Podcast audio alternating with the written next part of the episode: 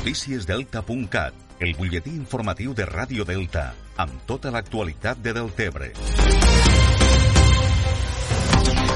El nou espai expositiu de Deltebre, ubicat a l'edifici de la biblioteca, ja té nom. Es tracta de Deltart, un nom proposat per l'escriptor Baltasar Casanova i que ha estat el guanyador del procés de participació ciutadana organitzat per l'Ajuntament. El nom de Delta Art ha comptat amb més de 300 vots per part de la ciutadania i cal recordar que el nou espai expositiu obrirà portes este pròxim dissabte, dia 24 d'abril, en el marc dels actes programats per Sant Jordi.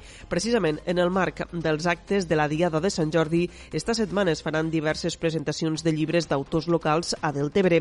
Demà dimarts serà el torn de Julio Frank, que presentarà el llibre La mort de mossèn Guiu mentre feia la missa a l'església Sant Miquel de la Cava.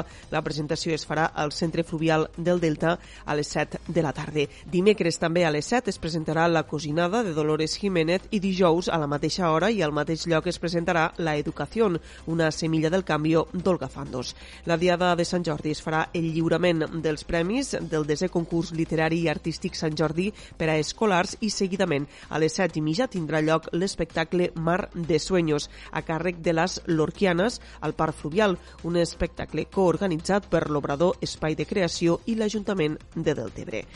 I encara afegim en l'àmbit esportiu que el Jesús i Maria s'ha reafirmat com a líder del grup 1 de la tercera catalana després de guanyar ahir diumenge al Godall per 3 gols a 1 amb gols d'Omar i de Ricard per partida doble. El Jesús i Maria encapçala la classificació de tercera amb 18 punts, dos més que el segon classificat, que és el Rapitenca B.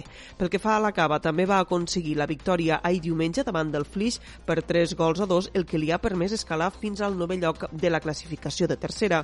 Els gols gols de la Cava els van realitzar Ferran Roig per partida doble i un gol d'Eric. Això és tot per ara. Més notícies, com sempre, a través del portal deltacat.cat.